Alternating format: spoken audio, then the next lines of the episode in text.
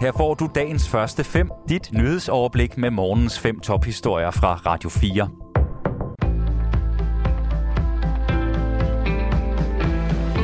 Det er den 19. maj. Mit navn er Anne Feldt. Godmorgen. Vi starter med seneste nyt fra Ukraine.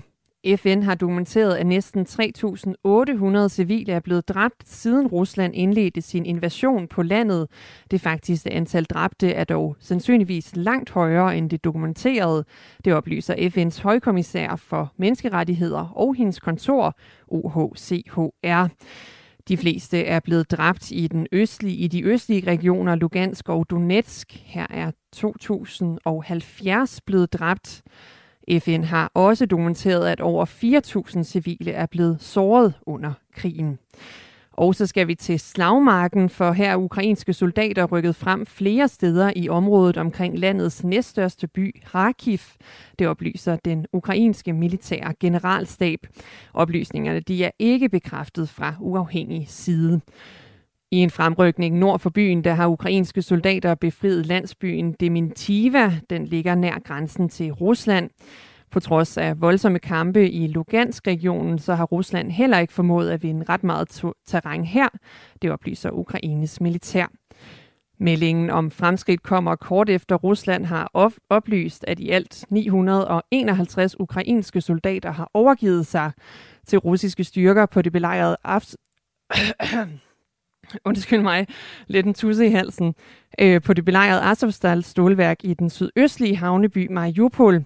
Det er stadig uklart, hvor mange soldater, der befinder sig på stålværket. USA har genåbnet sin ambassade i den ukrainske hovedstad Kiev.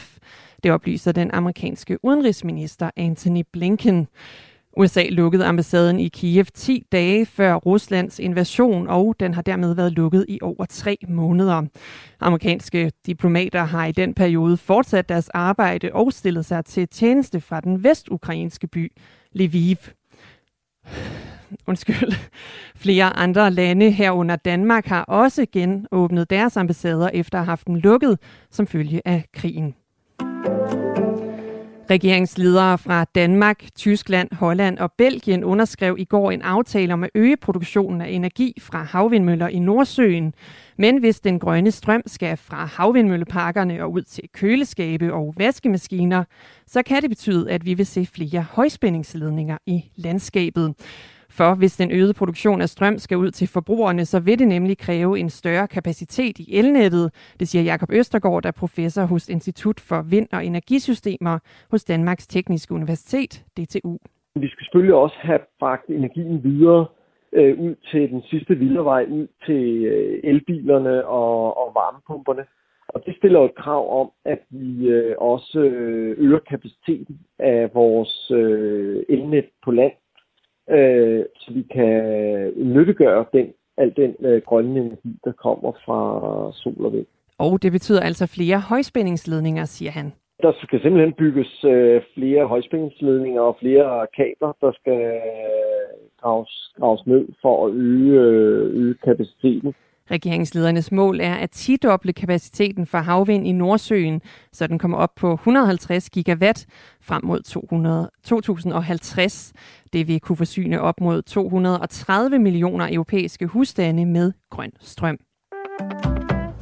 NATO's generalsekretær Jens Stoltenberg besøger København i dag.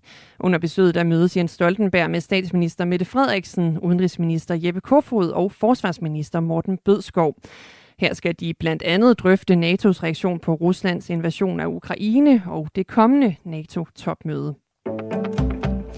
Der er en stor mangel på modersmælserstatning i USA, og for at løse problemet, så vil den amerikanske regering nu flyve produktet ind fra udlandet med kommercielle fly. Det oplyser det hvide hus i en erklæring. Det amerikanske forsvarsministerium vil benytte sig af de aftaler, der er blevet lavet i begyndelsen af coronapandemien til at importere produkter fra fabrikker i udlandet, der lever op til amerikanske standarder. Ved at omgå almindelige luftfartfragtruter kan vi fremskynde import og distribution af modermælserstatning, oplyser det hvide hus. Dagens første fem er tilbage igen i morgen tidlig. Hvis du har brug for en nyhedsopdatering inden da, kan du altid fange os i radioen, på nettet og i vores app. Vi høres ved til dagens første fem fra Radio 4.